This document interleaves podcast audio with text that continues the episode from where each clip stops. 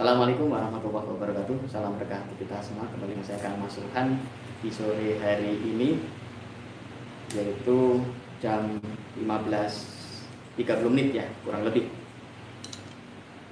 Nah hari ini Insya Allah saya umumkan kepada saudaraku semua uh, channel yang selama ini dirawat oleh asisten saya dengan berbagai informasi tentang ilmu hikmah ya yang beberapa bulan uh, dikelola dengan beberapa pengetahuan-pengetahuan tentang ilmu hikmah maka mulai hari ini insya Allah akan saya pegang langsung bersama tim yaitu uh, saya akan sering live dan juga beberapa ilmu-ilmu yang saya share secara langsung di channel ilmu hikmah ini.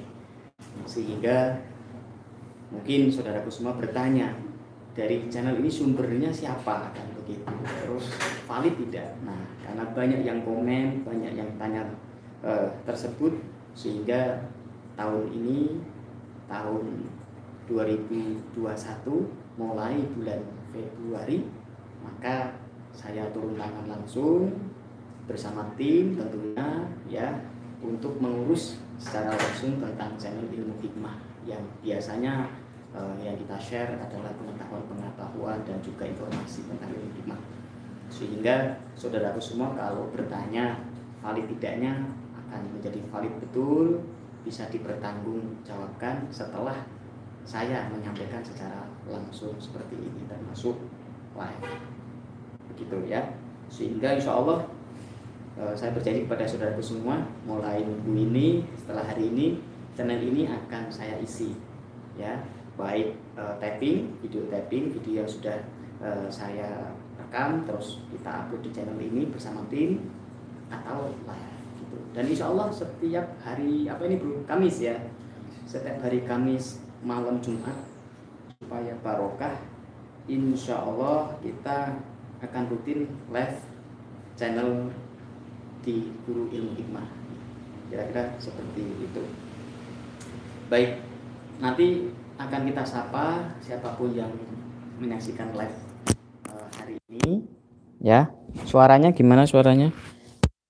Mungkin suara. Suara sudah? Ya. Tes tes suara ya sudah ya. Jadi saya ulangi lagi tadi nggak dengar ya suaranya tadi tidak dengar. Dengar ya. Jadi channel uh, guru atau ilmu hikmah yang membahas tentang berbagai ilmu hikmah mulai hari ini akan saya pegang langsung bersama tim supaya ilmu yang disampaikan bisa dipertanggungjawabkan. Kira-kira begitu. Dan insya Allah saya umumkan mulai hari ini setiap hari Kamis malam Jumat kita akan ada live berkaitan tentang ilmu-ilmu dan hal-hal yang terkait dengan ilmu hikmah. Ya, seperti itu. Setiap sore lah, insya Allah sekitar jam setengah empat ya, setengah empat dan nanti menginjak maghrib atau jam 5 atau setengah 5 insya Allah juga akan live tapi membahas yang lain di channel yang lain yaitu tentang pengasihan. Nanti sore apa bro? Di channel para psikolog pengasihan ya. Juga akan saya pegang langsung di tahun 2021 ini. Oke langsung saja. Kurang lebih nanti tolong saya kasih waktu maksimal 30 menit ya atau kurang lebih 15 menit. Nanti saya di info ya. Kurang lebih 15 menit paling lama 30 menit ya 15 menit saya kira sudah cukup. Apa sih yang mau kita bahas? Hari ini adalah tanda rumah yang memiliki aura negatif. Yang sering kali dianggap rumah membawa sial. Itu seperti apa sih Kang? Nah kemarin ada yang tanya. Maka kita uh, bahas ya untuk kita live kan hari ini. Uh, sebentar.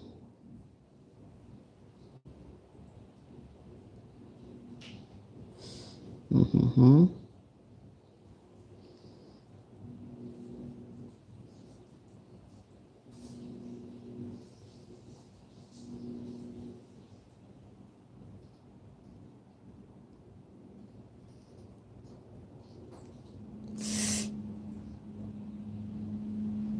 Oke. Okay.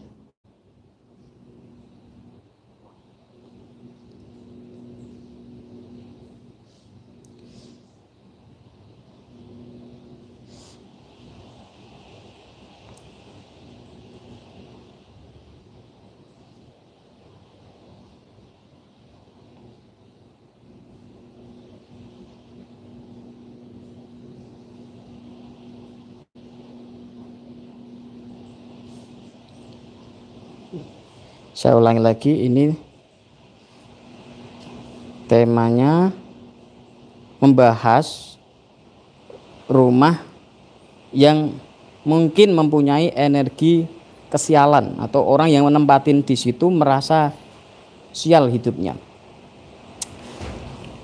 Banyak sekali yang percaya dan memang faktanya beberapa ilmu kekayaan, beberapa ilmu pesugihan, beberapa ilmu yang membuat orang sukses sering kali berhubungan dengan rumah. Uh, minta tolong pintunya anu di agak rapat. Hujan deras ya, terdengar ya. Kurang rapat kayaknya. Ya, sip. Oke, mohon maaf ya suara agak ini sedikit berisik karena hujan deras, cuaca yang cukup uh, ekstrim. Seringkali berhubungan dengan rumah atau tempat hunian. Percaya tidak percaya, fakta beberapa ilmu kekayaan, ilmu pesugihan itu selalu berhubungan dengan rumah atau tempat tinggal. Contoh kayak semacam uh, ilmu pesugihan kandang bubra. Itu kan selalu berhubungan dengan rumah. Kenapa? Harus diamalkan di dalam rumah dan rumah itu harus direnovasi setahun sekali. Apalagi pesugihan uh, Cina misalkan amalan Tionghoa itu juga berhubungan dengan rumah. Pesugihannya orang Jawa ini ya saya geser ya biar agak oke. Okay. Eh, lukisannya biar gak kepotong kepalanya mungkin agak nah gitu nggak apa-apa biar kelihatan misalkan pesugihan orang Jawa ritual kejawen itu selalu berhubungan dengan rumah. Itu. Sehingga memang rumah sangat penting untuk kita perhatikan. Makanya zaman sekarang ini orang sering keliru. Ya, orang sering keliru mengambil sikap lebih mementingkan kendaraan daripada rumah. Di kota-kota misalkan, orang berani kredit mobil, motor tapi belum punya rumah. Sebenarnya itu kesalahan yang cukup fatal. Ya, saya ulangi. Beberapa kehidupan di kota, akhir-akhir ini kan orang lebih suka kredit mobil daripada rumah kan. Padahal sesuai ajaran ilmu kekayaan itu tidak boleh. Yang seharusnya berani ambil sikap adalah berani ngambil kredit rumah atau nabung bayar rumah atau beli rumah atau beli lahan untuk dibangun rumah ambil resiko betul daripada ngambil resiko kredit mobil atau motor yang bagus. Kenapa? Ya karena tidak mendukung kesuksesan. Orang ambil mobil, sekarang ada Grab, ada Gojek, iya kan? Ada taksi. Sehingga mobil belakangan sebenarnya. Nggak perlu dulu. Kalau Anda belum punya rumah, jangan ambil hutang yang lain, ya. Jadi yang pertama ajaran saya nanti kita bahas rumah yang seperti apa sih yang membuat sial. Nah ini saya bahas dulu pondasinya. Kita harus punya rumah. Kalau Anda pengen sukses, Anda pengen hidupnya beruntung, anda pengen hidupnya bahagia, Anda pengen hidupnya menjadi orang kaya, wajib punya rumah, ya. Nomor satu, wajib punya rumah. Walaupun kecil dulu tidak apa-apa, kredit dulu tidak apa-apa, hutang dulu tidak apa-apa, ngangsur tidak apa-apa. Syukur-syukur nggak utang ke bank ya, tapi ngangsur ke developer atau mungkin ke seseorang perorangan. Atau mungkin nyicil beli tanahnya dulu, atau mungkin nyicil beli materialnya dulu, tapi untuk bangun rumah. Itu yang pertama, itu yang dianjurkan. Hindari kredit yang berbentuk besi, misalkan mobil, motor, itu belakangan. Rumah dulu, beli rumah dulu, harus punya rumah dulu. Karena rumah adalah sumber pintu rezeki yang terbesar. Rumah adalah sumber kebahagiaan yang terbesar. Sehingga kalau Anda pengen kaya harus punya rumah dulu. Kalau tidak punya rumah, maka solusi yang kedua adalah punya tempat bisnis punya tempat usaha dan Anda tinggal di situ. Saya ulangi.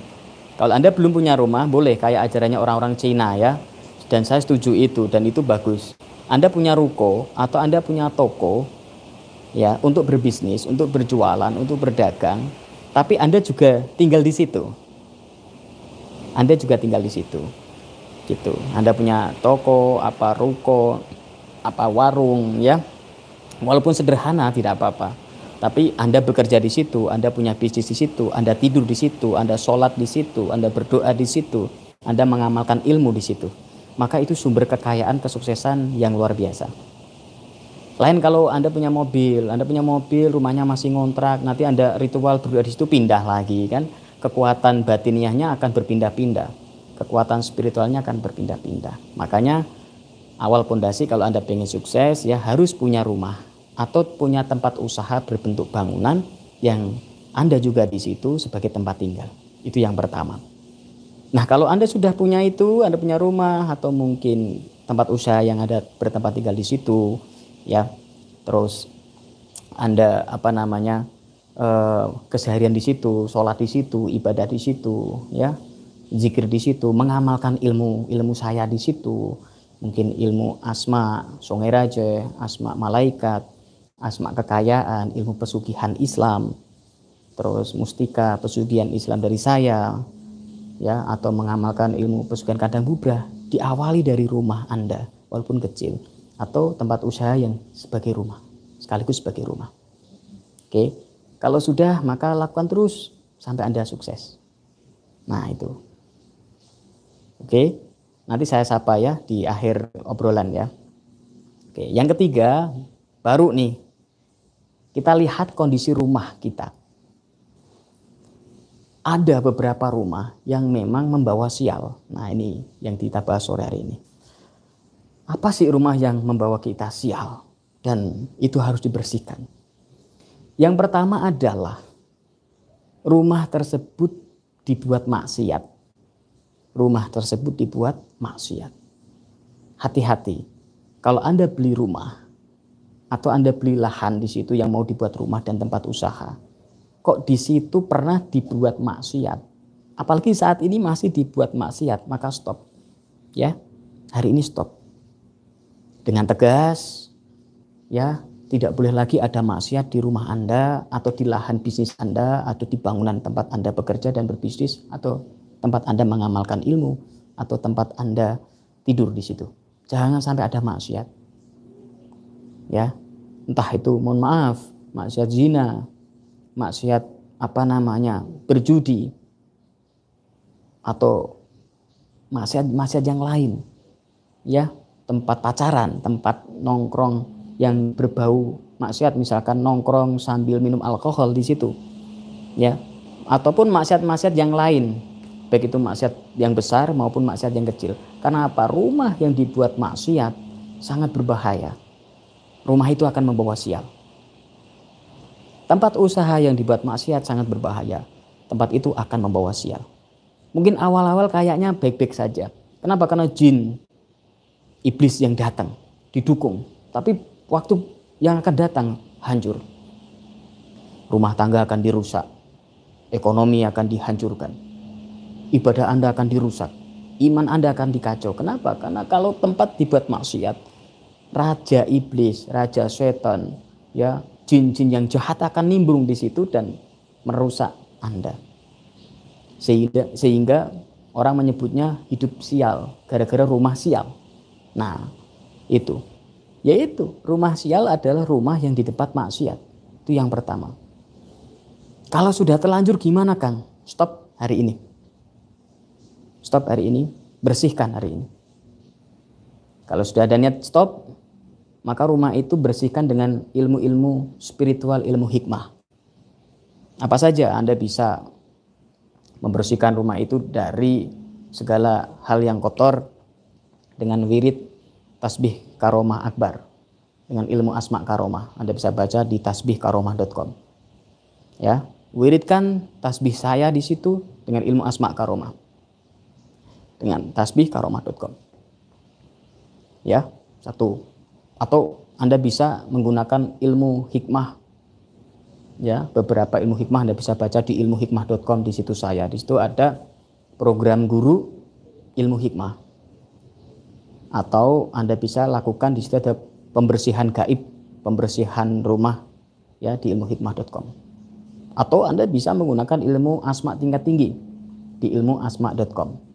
Di situ ada ilmu asma Raje, ada ilmu asma Suryani, ada ilmu asma malaikat, ada ilmu asma langit, banyak sekali ilmu-ilmu tingkat tinggi yang bisa saya ajarkan kepada Anda. Di ilmu asma.com ya di ilmu asma.com nah Anda lakukan ilmu-ilmu dari saya di rumah itu. Niat membersihkan dari segala musibah niat membersihkan dari segala masalah niat membersihkan dari segala dosa di situ kalau sudah ya maka lakukan hal yang berikutnya, yaitu lakukan terus sampai tujuh hari berturut-turut ya. Dengan ilmu-ilmu dari saya, bacakan di air, di garam, terus sebarkan di rumah itu. Supaya jin-jin yang jahat-jahat yang membuat sial itu pergi dari rumah itu.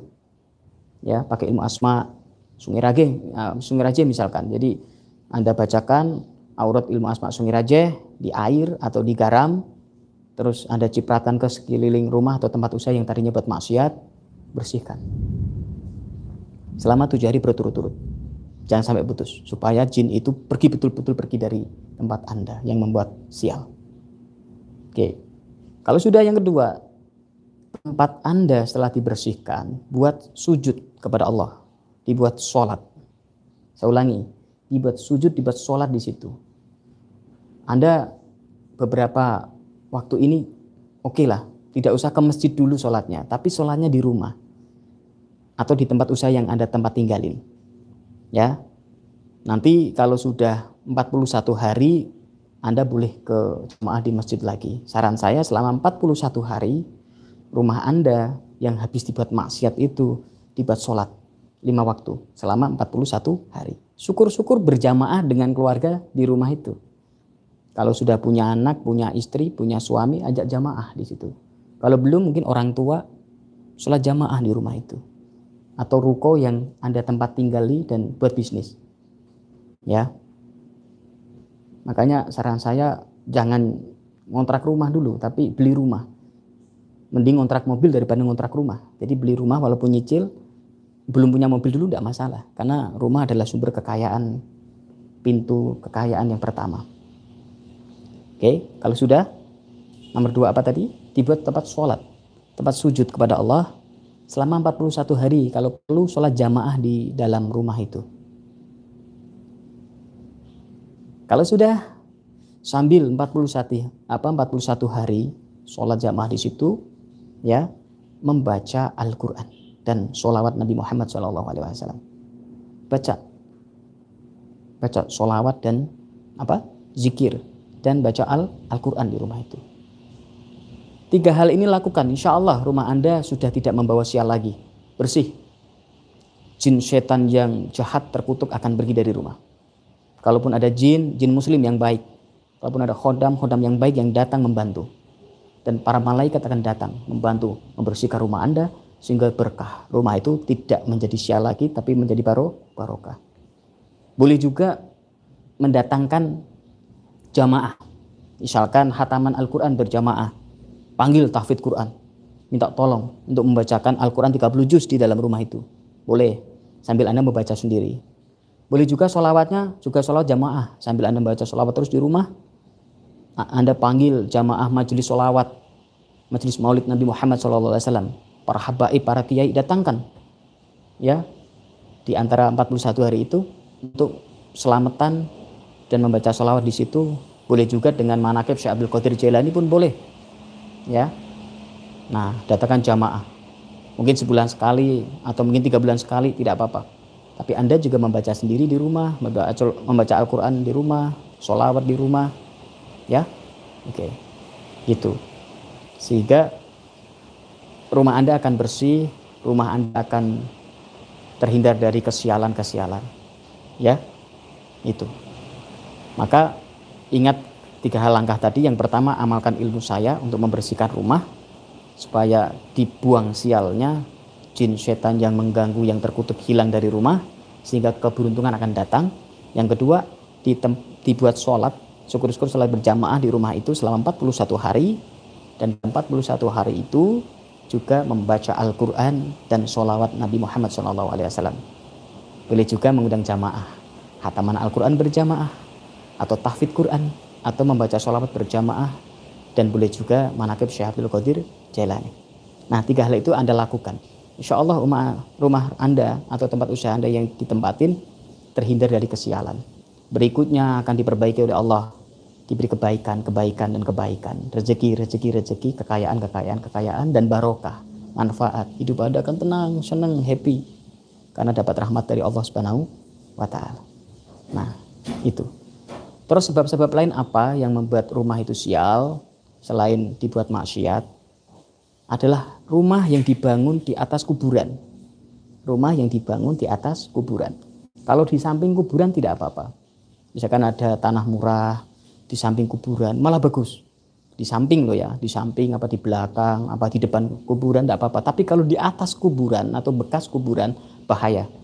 Bisa membuat sial maka sebelum beli rumah atau sebelum beli tanah untuk bangunan bisnis atau tempat tinggal anda cek dulu tanyakan dulu ini tanah apa tadinya yang di kapling-kapling ini tanah apa kalau tadinya bekas kuburan walaupun mayitnya sudah dipindah jangan dibeli walaupun sudah dipindah karena berbahaya.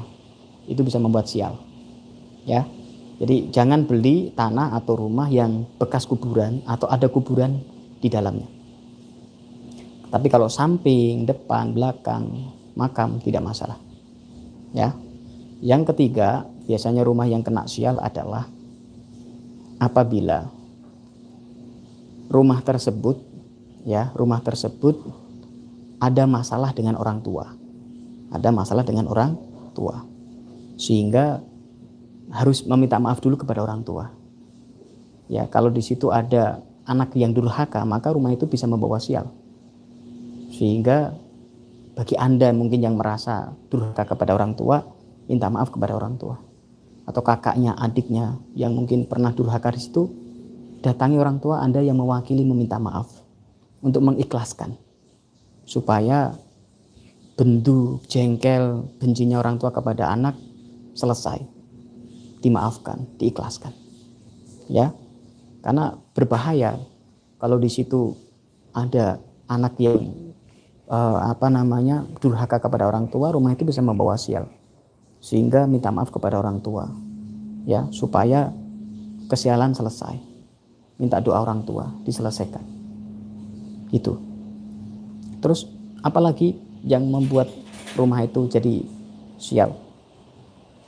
Yang keempat adalah apabila rumah tersebut ya terdapat anak yatim tapi tidak dinafkahi dengan baik. Saya ulangi, terdapat anak yatim tapi tidak dinafkahi dengan baik. Maka kalau di situ ada anak yatim, nafkahilah dengan baik insya Allah akan berubah menjadi keberuntungan. Jadi kalau ada anak yatim dinafkahi dengan baik malah justru menghadirkan keberuntungan. Tapi kalau ada anak yatim tidak dinafkahi, apalagi malah terhina di situ atau tersiksa bahaya, rumah itu akan membawa kesialan. Sehingga kalau ada anak yatim dinafkahi. Dan sama juga ada orang tua di situ tidak dinafkahi. Jadi ada di situ ada orang jompo atau orang tua dibiarkan atau dihinakan di situ maka itu membawa sial sehingga harus bertanggung jawab menafkahi orang tua yang ada di situ ya memperhatikan dengan baik orang tua yang ada di situ jangan sampai ya jangan sampai menelantarkan orang tua yang ada di rumah itu termasuk anak yatim. Nah hal-hal itulah yang sering membawa sial di dalam rumah. Karena itu mengundang iblis jin setan yang paling berbahaya datang ke rumah. Ya apalagi tidak dibuat sholat tidak dibuat membaca sholawat tidak dibuat untuk mengamalkan ilmu tidak dibuat untuk mengajar Al-Quran mengaji Al-Quran maka jin setan iblis itu akan sering datang di situ apalagi bekas kuburan dan sebagainya sehingga yang tadi saya sampaikan semoga menjadi informasi yang bermanfaat untuk kita semua apabila itu terjadi di rumah Anda maka Anda bisa hubungi saya konsultasi dengan saya secara langsung apakah harus dijual apakah itu diperbaiki. Nanti saya lihat dari struktur rumahnya dan jin-jin setan yang di situ itu kelasnya kelas apa. Kalau di situ berat tidak mau pindah ya jual aja. Tapi kalau bisa kita buang, kita buang saja. Cuman selama ini bisa sih dipindah, disuruh pergi. Kita nggak usah takut dengan jin, ya kita nggak usah takut dengan setan. Ya Allah Maha Rahman, Maha Rahim, Allah Maha Kuasanya. Kita minta bantuan Allah Ta'ala dan mengamalkan ilmu. Insya Allah jin, setan yang terkutuk sekalipun, yang hebat sekalipun bisa kita pindahkan atau kita suruh pergi dari rumah-rumah yang mungkin kita tempati karena sering kali yang mengganggu adalah jin dulu atau jin-jin yang jahat atau hodam-hodam yang jahat atau mungkin iblis-iblis yang jahat yang menempati rumah itu yang sering membuat sial ya mungkin itu yang bisa saya sampaikan uh, untuk sore hari ini semoga bermanfaat nanti bisa ditanya di kolom komentar setelah live atau di saat live Semoga bermanfaat. Saya Kang Mas Ruhan. Barakallah. Salam untuk bermanfaat ilmu hikmah. Mungkin di sapa dulu mungkin. Saya sapa dulu.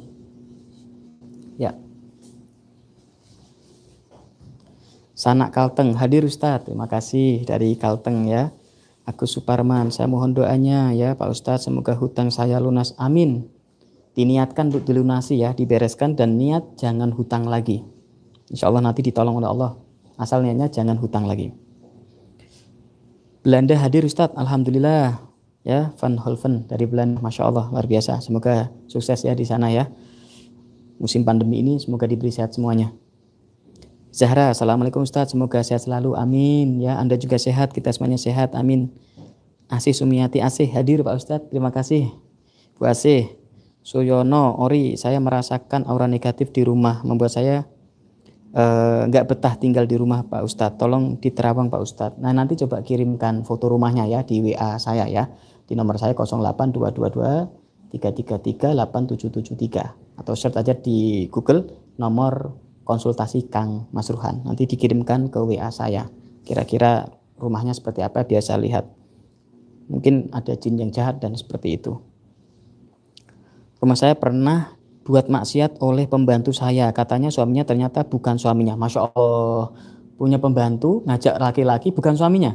Dan Anda tidak tahu itu. Ya Allah, ya Allah, ya ya ya itu harus segera dibersihkan itu Pak. Kalau tidak bahaya nih. Jadi sel terus itu. Yang punya rumah tidak maksiat malah pembantunya yang maksiat ya.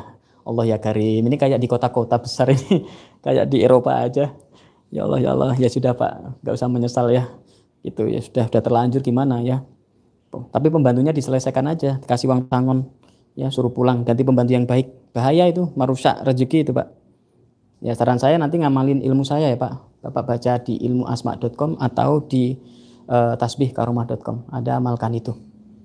Ya, boleh juga nanti telepon atau WA saya. Saya bimbing supaya kesialan itu berakhir. Ya, kasihan Anda orang baik malah punya pembantu yang tidak baik kan merusak Bowo Binjai, maaf Pak Ustadz, rumah saya rumah saya terangkan. Apa nih maksudnya? Ya, coba nanti WA Pak. Atau dijelaskan lagi Pak. Rumah saya terangkan apa maksudnya Pak? Ya, semoga rumahnya baik-baik saja. Oke. Ya. Terus Asih, Sumiati Asih Pak Ustadz, saya semenjak pindah tempat tinggal, saya sakit-sakitan dan berantem hampir tiap hari. Sama suami berturut-turut selama 10 bulan sampai saya pindah lagi, kira-kira gimana? Ya, kalau memang keadaannya seperti itu tadi yang saya sampaikan, itu penyebabnya jin, setan ya, yang mengganggu rumah. Ya, mungkin rumah itu pernah dibuat maksiat. Ya, atau pernah ada kejadian yang tadi saya sampaikan. Ya, kalau itu rumah beli, Bismillah aja dibersihkan dulu, diperbaiki dengan saran-saran saya tadi. Tapi kalau itu kontrak, pindahlah. Ya, kalau itu kontrak selesai kontrak pindah. Ya, cari tempat lain. Gitu. Karena cuma ngontrak kan, kecuali itu beli walaupun kredit atau mungkin nyicil atau mungkin cash, dibersihkan dulu, diusahakan supaya uh, aman gitu. Siapa tahu rumah itu akan jadi bekah. Yang penting dibersihkan dulu, diamankan dulu. Ya, dengan saran-saran tadi ya. Anda lihat di ilmuasma.com atau tasbihkaramah.com atau WA saya juga boleh. Abdullah Rashid, Kang, ayah saya orangnya mudah marah-marah, padahal masalah kecil ayah saya sering ibadah gitu ya mas padahal ayah saya sering ibadah gitu gimana ini mengatasinya kang kalau ada orang sering ibadah tapi masih marah-marah ibadahnya berarti belum totalitas masih hanya sebatas formalitas orang kalau ibadah kepada Allah Ta'ala tulus karena sujud menyembah kepada Allah dengan tulus hatinya, dohir batin, insya Allah hidupnya akan tenang, baik, tidak mudah marah. Ya, itu yang pertama. Atau yang kedua, mungkin orang tuanya punya darah tinggi, diabetes, penyakit uh, stroke ringan atau sudah ada indikasi stroke. Nah, orang-orang seperti itu memang mudah marah. Ya, karena apa? Penyakit darah tinggi. Maka carikan obat penurun darah tinggi. Itu. Ya, dan ajak sholat jamaah, ya. Dan kalau pas marah jangan ditanggepin Jangan ditanggepin kalau pas marah. Oke. Suliati selamat sore Kang. Selamat sore Bu Suliati. Luar biasa. Aktif terus Bu ya. Iko Purnomo. Assalamualaikum Ustaz. Mohon izin Pak, selama saya ngontrak semenjak saya kena PHK, selama lima bulan baru kerja di rental film. Apakah pengaruh dengan kontrakan yang saya tempati ya Pak? Maksudnya apa ini? Karena PHK. Selama lima bulan baru kerja di rental film. Ya, coba tanyakan itu rumah kontrakannya tadinya bekas apa? Kalau memang bekas orang maksiat ya mending pindah saja, jangan di situ ya. Cari rumah kontrakan atau beli rumah yang tadinya rumahnya orang-orang baik, orang-orang yang taat ibadah kepada Allah. Monggo, monggo. Dewi Ude, nyimak Ustadz Surabaya. Sip, Surabaya nyimak. Adi Nukrah, AS kosong apa namanya. Assalamualaikum maksudnya ya Waalaikumsalam Mas Andi ya ngajak bercanda Mas Pran Daniar Pran Bandung Ustadz baik Bandung luar biasa ya sehat ya Bandung ya Luki Haryadi Pak Ustadz kamar di rumah saya mau hujan mau kemarau kenapa panas terus bawaannya tolong solusinya Pak Ustadz jangan-jangan tadi salah satunya adalah penyebabnya seperti itu ya pernah dibuat maksiat Oke. Itu siapa yang telepon? Ah, harap kirim pesan. Oke. Abdullah Rashid, tapi Kang, Mas Ruhan, ayah saya tidak memiliki riwayat darah tinggi. Gimana Kang? Berarti ibadahnya harus diperbaiki. Anda sabar. Ya, sabar. Doakan ayahnya. Setelah setiap habis sholat, bacakan fatihah untuk ayahnya. Semoga jadi baik. Joker, halo Kang, saya mau tanya soal pendulum. Apa itu pendulum Kang dan bentuknya itu bagaimana? Search aja di Google ada pendulum Kang Mas Ruhan. Ya, ada kok. Evi Sofia, Kang, maaf, kenapa rumah sering ada kala jengking dan sering munculnya di malam sampai menjelang subuh. Dan saya matikan dengan basmalah, kira-kira efeknya apa ya Kang? Ya udah, nggak apa-apa. Niat aja mematikan apa setan iblis gitu dengan Bismillah. Tapi kalau uh, bisa dibuang-buang saja nggak usah dimatikan tapi kalau memang anda merasa ini berbahaya boleh dibunuh ya dengan baca Bismillah anggap aja ini membunuh setan gitu saran saya anda mengamalkan ilmu saya gitu anda mengamalkan ilmu saya insya Allah setan-setan yang menyamar jadi hewan-hewan itu akan hilang ya sejak galengan sawah Assalamualaikum Pak Ustadz, rumah saya terasa panas terus. Kalau musim hujan dinginnya menggigil, mohon infonya Ustadz. Ya, jangan-jangan tadi yang saya sampaikan, sering dibuat maksiat. Ya, bersihkan, buat sholat, baca Al-Quran, insya Allah. Ya, nanti akan kembali membaik. Ya, atau cari tahu, bekas kuburan tidak. Nah.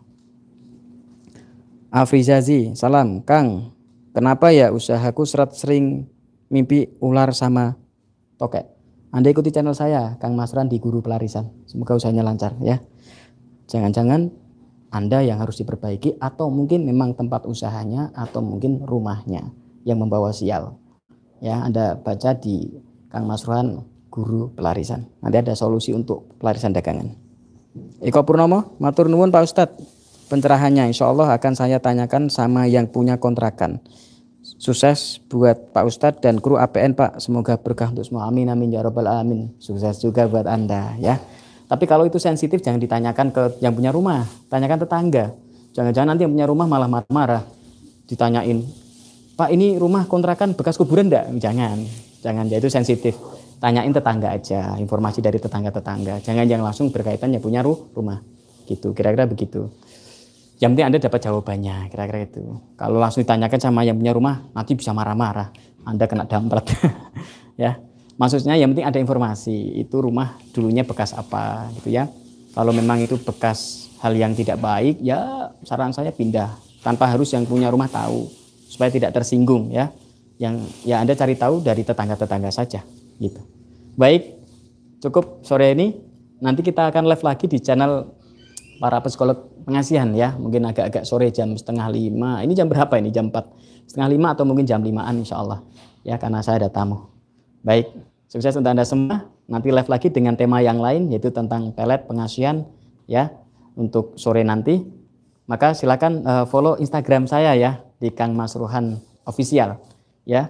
Sekarang saya mulai uh, ikut ya kayak zaman now lah ya ada sosial media. Dan rencananya juga mungkin Facebook akan saya hidupkan lagi insya Allah nanti kita kasih kabar ya. Dan untuk jadwal, live insya Allah Kang Mas Ruhan official ya setiap hari Selasa sama guru pelarisan. Terus hari Senin live-nya insya Allah apa bro? Guru paranormal ya sama pelet pengasihan. Dan hari Kamis adalah ilmu hikmah sama pengasihan para psikologi ya. Insya semoga bermanfaat untuk kita semua. Saya Kang Mas Rohan, sukses untuk Anda, sukses untuk kita semua. Barakallah. Assalamualaikum warahmatullahi wabarakatuh. Amin ya rabbal alamin.